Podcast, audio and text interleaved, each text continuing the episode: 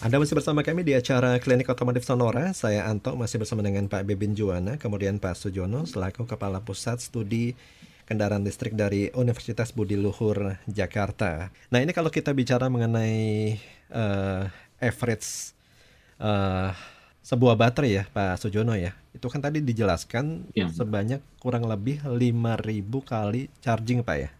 Ya, uh, beberapa merek itu ada yang sampai 5.000 bahkan merek-merek tertentu yang sangat spesial tuh ada yang mengklaim sampai 15.000 itu ada. Cuma emang hmm. itu memang benar-benar baterai yang spesial yang pasti harganya nanti juga akan jauh lebih mahal ketimbang baterai-baterai yang umumnya gitu. Oke, kisarannya berapa sih Pak Sujono? Kenapa Mas? Enggak? Kisarannya berapa sih Pak? Harganya? Uh -uh. Harganya itu macem-macem ya Mas. Jadi kan kalau baterai yang pernah kita pakai itu kan jenis-jenis lithium ion itu hmm. yang hmm. ukurannya itu yang kemasannya itu seperti baterai-baterai untuk vape itu untuk hmm. itu. Oh, Oke. Okay. Itu satu piece itu variannya ada yang mulai dari dua puluh ribu sampai seratus empat puluh ribu itu ada satu piece-nya. Hmm, hmm, hmm. Jadi variasinya sangat banyak untuk saat ini yang tersedia di pasaran. Hmm. Yang pernah kita pakai itu di harga 120 ribuan lah itu hmm. per piece-nya. Makanya makanya masih banyak biaya diperlukan di baterainya itu karena masih segitu mahalnya sih baterainya untuk saat ini. Oke. Nah, sekali ganti baterai apakah cukup ganti baterai atau komponen lainnya Pak Sujono? Khusus untuk motor listrik ya? Sebenarnya kalau komponen-komponen lainnya selama tidak ada kerusakan ya nggak perlu ganti sih kalau selama hmm. ini pengalamannya. Baterai pun baterai pun itu nanti kan sebenarnya begini tidak jarang yang langsung dengan kondisi tidak ada force major, tidak ada kondisi yang abnormal gitu. Selama masih normal itu sebenarnya kan baterai itu nanti mengalami peluruannya itu pelan-pelan. Hmm. Pelan-pelan dari kondisi performa 100% sering dipakai akan turun-turun turun-turun seperti baterai HP itu ya lama-lama hmm. udah mulai nggak nggak kuat tahan lama. Hmm. Dalam kondisi tertentu dia sudah tidak bisa baik lagi untuk kendaraan ya masih bisa sebenarnya digunakan untuk kebutuhan-kebutuhan lain yang memang mm -hmm. kebutuhan dayanya tidak terlalu besar. Yeah. Tapi mungkin di baterai itu sudah tidak tidak bagus lagi performansinya ketika dipakai untuk kendaraan. Mm -hmm. Kalau dari pengalaman bisa didaur ulang nggak pak? Uh, kalau untuk saat ini lithium ion itu uh, belum, pak, belum belum ada teknologi daur ulang ya, artinya dosis baterai ada Makanya saya sekarang yang hmm. yang mulai berkembang itu yang ke fuel itu jauh lebih ramah lagi artinya baterainya nanti tidak lagi pakai lithium ion tapi pakai hidrogen itu. Kalau hidrogen kan uh, relatif jauh lebih ramah daripada uh, lithium ion seperti itu. Hmm, hmm. Pihak apa produsen Jepang arahnya ke solid state. Solid state, solid state -hmm. baterai ya. Ya, uh, produsen Jepang. Tetapi saya membaca juga lagi-lagi karena saya sendiri belum belum apa uh, menjalani memakai sehari-hari. Berita gembar di sepenuhkan mulai. Sekarang ini dah pak. Di iya. bedah uh, yang tadi apa komponen atau bagian mana yang sudah rusak atau sudah tidak mampu lagi berfungsi dengan baik, itu katanya bisa dicopot. Hmm. Jadi tidak serta merta mengganti baterai satu set. Kalau di mobil ya sebesar lantai bagasi itu enggak, enggak seperti itu. Hmm. Itu eh, apa bisa dicabut bagian mana yang rusak, ya kan, digantikan, diukur satu persatu itu karena ada yang terdiri dari 36, ada yang terdiri dari berapa 20 sekian uh, apa sel-sel gitu ya Pak. Hmm. Terus diganti dan itu biayanya tidak mengerikan seperti zaman yang lalu gitu. Bahwa separuh yeah. mobil buat beli buat beli buat ganti baterai sementara nilainya tidak tidak kembali gitu kan. Ya emang gembiranya sudah seperti itu. Iya. Jadi memang rata-rata sistem baterai dari kendaraan itu didesain modular gitu sifatnya Pak Bipin. Hmm. Beberapa ketika baterai uh, mengalami masalah belum tentu kemungkinan kecil secara serentak seluruh baterai bermasalah hmm. itu kemungkinan ya. modular. Jadi nanti kita tinggal lacak modul baterai, blok baterai yang rusak, Ya, yang harus kita tidak mengganti secara keseluruhan seperti itu. Hmm. Cuma kalau dari itu- pengalaman Pak Ya. Sujono sendiri Pak ya, Ya. itu tanda-tanda katakanlah baterainya sudah harus diganti, itu biasanya apa Pak? Eh, yang paling mencolok itu eh, kalau kalau kejadiannya masih masih artinya masih kalau hanya sekedar performa ya artinya Ah. masih bisa bekerja itu biasanya ya jarak tempuh yang menurun Hmm. Jarak tempuh yang menurun kalau dari si kendaraan. Nah, artinya penyim- kemampuan penyimpanan baterai itu sudah me- menurun. Nah ketika penyimpanan baterai sudah menurun ya belum tentu semua baterai itu lemah. Jadi Oke. kadang ada satu modul dua modul yang lemah itu nanti membebani modul-modul baterai yang lain. Yang Hmm. tadi dikatakan Pak Pepin ya itu mungkin itu yang harus dilacak di, di part yang mana yang harus di repair harus dilakukan substitusi atau penggantian modul baterai. Tapi yang paling kelihatan ya jarak tempuh yang menurun kemampuan Hmm. menyimpan energi yang mulai menurun Hmm. kemudian juga ketika dipaksa dipaksa agak agak apa agak balap itu ya Hmm. beda nanti respon respon dari kendaraan itu beda biasanya Hmm, hmm. Kalau kalau kendaraan konvensional kan biasanya agak susah di starter ya Pak ya. Salah satu Hmm. tandanya ya. Kalau motor listrik itu ya enggak performanya Motor semakin menurun ya. itu kalau motor listrik tidak ada gejala itu karena kan tidak ada proses Betul, betul, Jadi betul. motor listrik itu sebenarnya kan kalau baterai itu nyambung Heeh. pasti akan mengalir listrik ya. Tinggal itu mampu mengalirkan listrik itu seberapa performanya menurun, berarti Hmm. pasokan energinya itu menurun ya motornya muternya juga akan ogah-ogahan atau performanya pasti menurun. Oke. Banyak akan terasa di performa performa kendaraan secara keseluruhan. Hmm. Tapi kegagalan kegagalan starting itu ya nggak terjadi kalau Nggak di- Nggak ada. Mudah-mudahan ke depannya semakin canggih sehingga ada panel instrumen yang bisa ini ya, bisa menunjukkan kalau sebentar lagi saatnya baterai harus diganti gitu ya. Oh ya kalau kalau di di di kendaraan listrik bahkan sudah dia di, dilengkapi Hmm. energinya energi yang tersimpan di dalam baterai itu masih mampu berapa kilo Hmm. ada estimasinya. Hmm. Indikatornya masih mampu berapa kilo. Oke. Masih persen energi yang tersimpan, Heeh. kemudian masih mampu menempuh berapa kilo. Jadi bagi si pengendara kan punya punya Ya. oh, jadi jangan dipaksa si jalan jalan. Jangan terlalu digebar juga ya Pak Sujono. Iya. Oke. Ya. Jadi habit dari pengendara itu nanti Hmm. Baik. Saya mau meneruskan pertanyaan datang dari pendengar, apakah kendaraan listrik merupakan motor bakar? Kemudian kendaraan listrik yang akan digunakan apakah full atau hybrid? Mana yang lebih baik dari keduanya? Bin dulu nanti Pak Sujono bisa menambahkan. Kalau motor bakar tidak serta-merta digantikan. Mungkin 30 tahun lagi motor bakar itu masih ada. Ya kan? Kita juga membaca berita-berita bahwa di Eropa sana pabrik-pabrik eh, grup besar itu sudah siap meninggalkan motor bakar. Beberapa model dalam kurun waktu 10-15 tahun ke depan itu sudah discontinue. Hmm. Ini kan tanda, Ya. ya kan? Tetapi tidak serta-merta karena eh, kemarin saya masih eh, mendapatkan berita bahwa contohnya untuk truk itu masih digantikan diesel, Hmm. ya. Eh, apa? Apalagi eh, apa? Truk yang super besar yang mampu mengangkat trafo misalnya yang puluhan ton Hmm.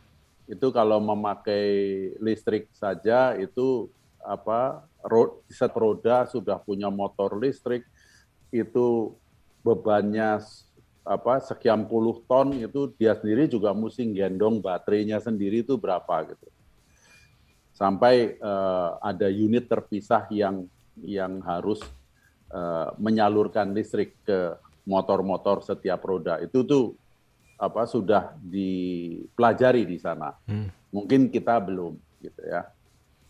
Tetapi eh, yang sifatnya regional, saya pikir sudah bisa di- diterapkan juga sih urusan kecuali yang tadi ekstrim masih masih eh, belum gitu ya. Ya. juga diesel untuk uh, proyek misalnya. Itu belum, belum apa sampai uh, dalam tahap uh, bagaimana digantikan dengan motor listrik, crane misalnya. Hmm. Itu belum. Gitu. Okay. Tapi uh, truk distribusi lokal itu sudah. Misalnya uh, ketika apa barang-barang paket itu datang dengan kereta dipindahkan ke truk ya kan Mob, hmm. truk dalam hal ini mobil box gitu itu sudah bisa ke listrik yeah. karena misalnya turunnya di apa eh, Jakarta Utara sana itu apa ba, ba, bukan Bandengan yang di tempat turun ya dari situ terus uh, truk itu sudah bisa truk listrik hmm karena nanti kan didistribusi. Si truk itu akan ngantarkan ke Jakarta Selatan, iya. Jakarta yeah. Timur, dan seterusnya. Itu tuh sudah. Hmm, hmm. Kemudian mana yang lebih baik Pak? Full electric car atau hybrid? Saya pribadi masih uh, apa belum siap untuk full electrical. Hmm. Saya pribadi. Yeah.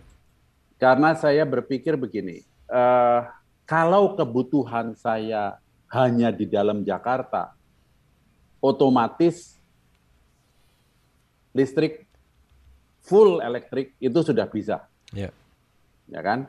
Karena saya membayangkan tangan dari Jakarta Barat sampai ke Jakarta Timur, dari Jakarta Utara sampai Jakarta Selatan itu apa sudah dengan mudah bisa dijangkau oleh mobil listrik. Hmm.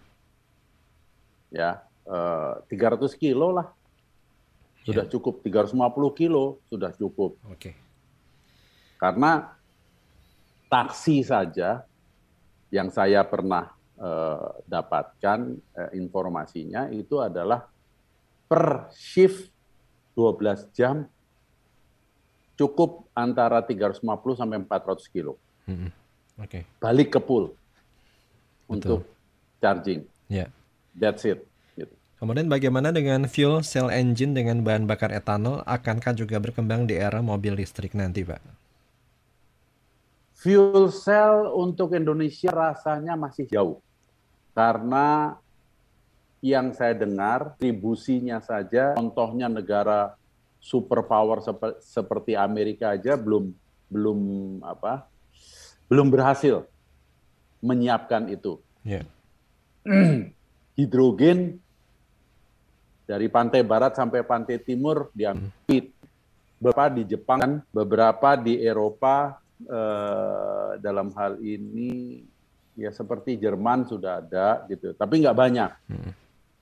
Di UK ada, saya mengikuti beberapa tokoh otomotif UK itu sudah berani, sudah berani membeli kan ada tempat pengisi kalau enggak Betul. sampai mendorong Betul. itu karena kalau yang hidrogen itu kok saya tidak melihat ada colokan charging kan benar mengandalkan hidrogennya ini ada cukup banyak pertanyaan uh, di antaranya datang dari Pak Indrawan ya bagaimana jika kendaraan listrik khususnya mobil melewati banjir Enggak ada masalah, sudah pernah bahas. Uh, mungkin Pak Sujono bisa menambahkan. Nah, Pak Sujono tolong lengkapi saya karena saya melihat kendaraan off-road sudah listrik. Hmm. Iya, betul Pak Bipin, Mas Anto. Di kawasan masyarakat itu karena listrik itu kena air kan. Nyetrum. Tapi dengan sekarang teknologi untuk mengemas supaya water seal atau hmm. waterproof itu kan sudah banyak. Iya. Yeah. Artinya tentunya dibutuhkan baterai packing atau pengemasan baterai yang harus waterproof ketika menembus uh, banjir itu tidak masuk entah dengan casing yang berlapis atau hmm. shielding yang bagus hmm. seperti itu itu sudah proof sudah terbukti melewati banjir itu uh, nggak masalah nggak masalah okay. dan kekhawatiran kita sebagai pengendara yang berada di dalam mobil itu sudah nggak perlu dikhawatirkan menurut saya ya artinya hmm pas lewati banjir nanti takut ke strom itu enggak. Karena kan hmm. umumnya kalau mobil listrik itu sistem kelistrikannya itu tidak memanfaatkan eh, bodi dari mobil, rangka dari mobil itu tidak dipergunakan untuk penyaluran energi. Kalau Hmm. pada motor-motor konvensional kan eh, bodi Untuk ground. Itu untuk groundnya. Iya, untuk Kalau ground. listrik tidak direkomendasikan. Jadi benar-benar listriknya itu terisolasi dari dari frame dari body gitu. Yang kecelup itu kan bodinya atau rangkanya. Hmm. Jadi listriknya terisolir dari kondisi itu. Oke. Eh, kita kemarin waktu beberapa pengujian kecil ya, tidak tidak dalam jarak yang jauh tapi kecil, jarak pendek, tapi memang dicoba untuk nerobos di genangan air waktu terjadi hujan. Hujan-hujanan. Itu nggak masalah. Dan itu sudah banyak di, dibuktikan kendaraan listrik seperti itu. Khawatir kan saya Mas Anto? Meskipun posisi airnya di atas eh, lokasi baterai, itu, Pak. Iya, iya. Iya, iya. Kan kalau, Wow. kalau kita bisa kemas baterai itu dengan rapat, kita rendam pun nggak akan masuk air itu. Oke. Akan masuk. Ini penjelasan yang sangat melegakan ya. Mobil off-road kan baterainya tetap di lantai, toh. Betul, Iya. betul, betul. Iya, itu kan kerendam. Tak motor listriknya kerendam. Iya.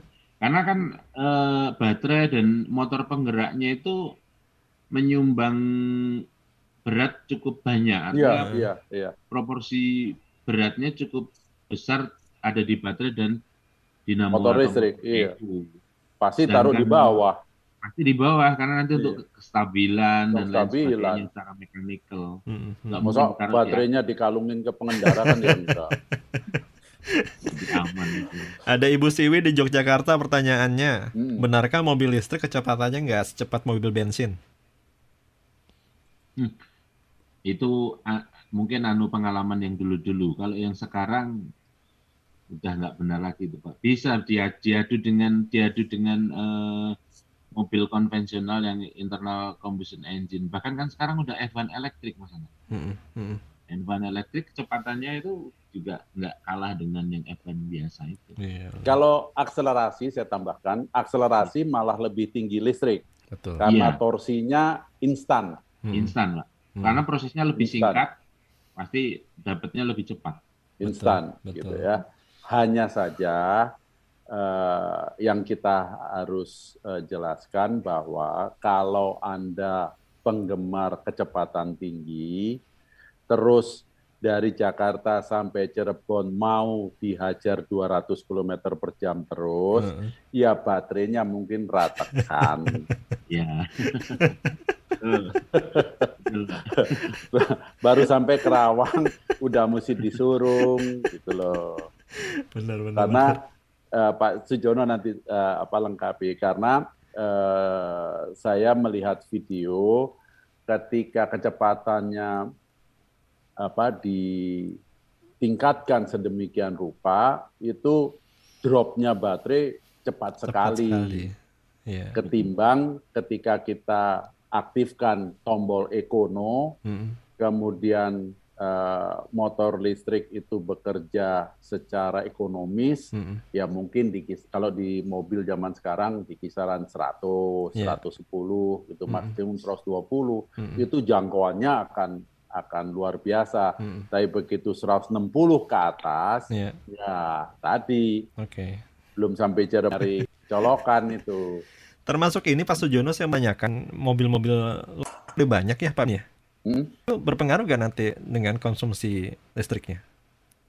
Uh, kalau sistem digital ke kendaraan listrik mah ramah-ramah saja. Hmm. Yang sifatnya motor ya Pak, motor listrik seperti wiper Mm-mm. tuh. Itu konsumsi Iya. itu. sangat sangat mungkin fitur-fitur yang yang yang ada di mobil pada sekarang ini untuk diterapkan di kendaraan listrik saya kira sangat mungkin karena kan Hmm. sem- hampir semua fitur itu berbasis elektrik juga elektronik juga biasanya mas. Iya. Nah, itu Dan tidak mengkonsumsi gede-gedean. Ya Pak. Nah. tidak tidak terlalu Hmm, ya Iya. sama kayak handphone lah. Mm-mm. Mm. Jadi memang tidak berpengaruh Pak ya? tidak Berpengaruhnya berpengaruh. tidak besar ya dalam arti kata seperti itu ya? Iya. Malah bisa Memang- bisa dapat fitur lebih banyak. energinya tapi nggak terlalu besar. Baik. Baik, kita masuk di segmen terakhir acara klinik otomotif Sonora pada siang hari ini. Masih bersama saya Anto, kemudian Pak Bebin Juwana dan Pak Sujono selaku Kepala Pusat Studi Kendaraan Listrik dari Universitas Budi Luhur, Jakarta. Pak Sujono kembali ada pertanyaan Pak, datang dari salah seorang pendengar. Gimana? Ini masih Hmm. terkait dengan banjir. Mungkin Iya. masih ada kekhawatiran. Eh, ketika menerjang banjir, Pak Sujono, apakah cara mengemudi kita sama seperti mengemudikan mobil metik, Pak? Hmm, iya. Mungkin nanti Pak Bim Eh. bisa menambahkan. Maksudnya kalau mau di mobil yang BBM atau pembakaran internal itu kan kalau di banjir gimana caranya air nggak masuk lewat knalpot ya salah satunya ya. Betul. Biasanya yang dikhawatirkan kan seperti itu ya. Ya, Kalau di listrik enggak, Mas. Kalau di listrik tidak tidak berpengaruh. Artinya eh, tidak perlu ada kekhawatiran air itu akan masuk ke mesin karena memang prosesnya sama sekali berbeda ya. Hmm. Kalau dinamonya itu umumnya kan motornya umumnya didesain memang sudah waterproof. Ya. Sehingga eh, walaupun termasuk motor-motor yang tipe hub ya yang yang motornya itu dipasang di rodanya langsung. Kan ada juga yang tipenya yang Hmm. middle itu jadi pakai rantai atau pakai bel gitu. Itu sama sekali perilaku ketika menerobos banjir itu berbeda, berbeda Hmm. dengan motor-motor yang umumnya berpembakaran internal itu. Karena di kendaraan listrik kita tidak khawatir eh, air itu masuk ke engine, Hmm. ke dinamonya melalui knalpot. Knalpotnya kan nggak ada soalnya. Betul. Itu. Dengan catatan memang eh, desainnya memang harus diperhatikan harus waterproof ya. Artinya jangan masuk airnya. Hmm. Di beberapa produk yang hasil kajian kami itu packing baterai itu kita tes dulu juga. Artinya sebelum baterai itu kita masukkan packing baterainya, casing baterai itu kita tes direndam, Hmm. direndam di dalam air, Hmm. direndam di dalam air dengan dengan kedalaman tertentu. Artinya di dalam bak karena kan semakin dalam itu tekanan air juga makin tinggi ya. Ya. Kita tes, kita rendam itu nanti dalam waktu sekian jam itu ada air masuk apa enggak. Kalau ada seberapa banyak airnya itu kita harus berusaha untuk tidak masuk sama sekali airnya. Hmm. Karena kan kita logikanya nggak mungkin melewati banjir itu dalam hitungan hitungan sampai jam umumnya kan menit seperti itu. Betul. Dalam genangan itu kan kita hanya lewat melalui genangan itu nggak mungkin sampai jam-jaman. Hmm. Jadi kalau kita tes dalam sekian jam air nggak masuk ya salah aman pasti. Jadi lewat-lewat genangan ya nggak apa-apa ya, Pak Sujono ya. Iya harusnya. Nggak masalah. Oke, saya beralih ke pertanyaan lainnya datang dari Bapak Sukron. Eh, saya ini bergerak di usaha di bidang packaging manufacture. Nah, kira-kira chance atau peluang yang bisa kami raih ketika kendaraan listrik sudah mass production, terlebih kendaraan akan lebih simpel dibandingkan kendaraan berbakar. Ini seperti apa nanti? Peluang atau kesempatannya, Pak? Jadi kalau mungkin kalau di bidang packaging ya salah satunya adalah eh, mendukung di baterai packing, baterai packing karena kan baterai itu setelah dirakit sesuai dengan spesifikasi kebutuhan eh, daya tegangan dan arus dalam hal ini ya tegangan dan Mhm. arus dari motornya itu kan baterai itu nanti dalam dimasukkan dalam suatu casing gitu.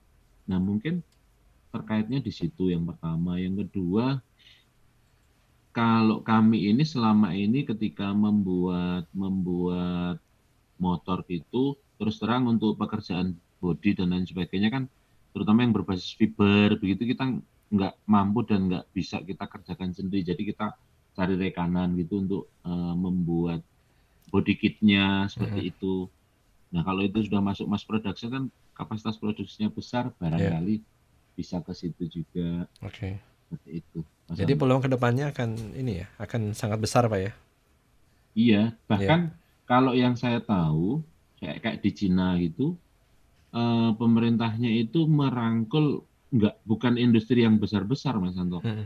Jadi bahkan industri bengkel kecil rumahan gitu yang dia giatkan, dia manage, kelola bareng-bareng itu untuk sebagai anunya, sebagai suppliernya untuk part-part dari si kebutuhan kendaraan listrik itu. Tidak Hmm. harus fabrikasi yang besar. Jadi ya cocok dengan ekonomi berbasis kerakyatan atau koperasi Betul. mungkin sangat sangat sangat besar peluangnya saya kira. Iya. Apalagi orang Indonesia kan di kita itu kalau kita jalan-jalan itu custom builder atau eh, kreator-kreator yang bengkel ya skalanya tidak terlalu besar itu sangat Mm-mm. banyak sekali di kita Mm-mm. itu. Mm-mm. Termasuk ini Pak ya Indonesia. bahasan kita minggu lalu Pak ya. Sekarang kan banyak Iya. yang melakukan konversi dari kendaraan konvensional ke kendaraan listrik ya, Pak Bebin. Iya. Iya. Kan itu menjadi peluang baru tuh Pak. Iya. Betul, Pak. Punya motor lama, punya mobil lama, eh, mesin semua diturunkan, gitu. Kemudian diganti baterai. Baterainya pun saya lihat di luar sana bekas, motornya juga motor bekas. Tinggal apa membeli controller Hmm. baru, terus eh, sistemnya baru, Hmm. eh, sedikit modifikasi, baterai dan motor mengganti apa memakai ruang menggantikan mesin. Nah, ini kan menjadi apa peluang bisnis baru gitu Betul. Betul. Daripada membeli apa mungkin mobil listrik Hmm. baru masih dikatakan eh, belum terjangkau. Nah, memodifikasi ini kan Betul. terus eh, jangan lupa melaporkan ke apa eh, Samsat Hmm. karena kan pajaknya berbeda nomor platnya nanti ada birunya Iya, iya, iya. Iya. iya kan legalitasnya ya Pak Bebin. iya eh, bukan gitu aja misalnya peraturan GAGE itu kan tidak berlaku untuk kendaraan listrik Iya. Iya. Iya. itu antara lain gitu. Heeh. ya kan dan jelas perpajakannya akan berbeda Betul. Termasuk ini preparation dari bengkel-bengkel mobil sekarang Pak ya. Karena kan kalau nanti Iya. mass production-nya sudah diberlakukan, penggunanya semakin banyak. Nah, mereka udah siap Iya. gitu kan. kan bisa saja Anto Hmm. masih punya RX King atau CB 125 yang ah sayang ah kalau dibuang gitu kan. Mahal Pak sekarang harganya. Nah, ya ampun. Terus ah mending apa konsultasi sama Pak Sujono tak ganti jadi motor listrik CB 125E nanti buntutnya Iya. kan gaya. Anto datang Keren, ke ya. Sonora nggak pakai suara. Iya. Mau knalpotnya udah hilang kok. Pak Sujono, terima kasih banyak loh buat kebersamaannya. Lain kali kita ngobrol lagi Pak ya. Baik, Pak baik. Beben juga terima kasih. Salam sehat. Iya. Kita ketemu lagi di acara yang sama pada hari Sabtu yang akan datang. Saya pamit. Sampai jumpa. Iya.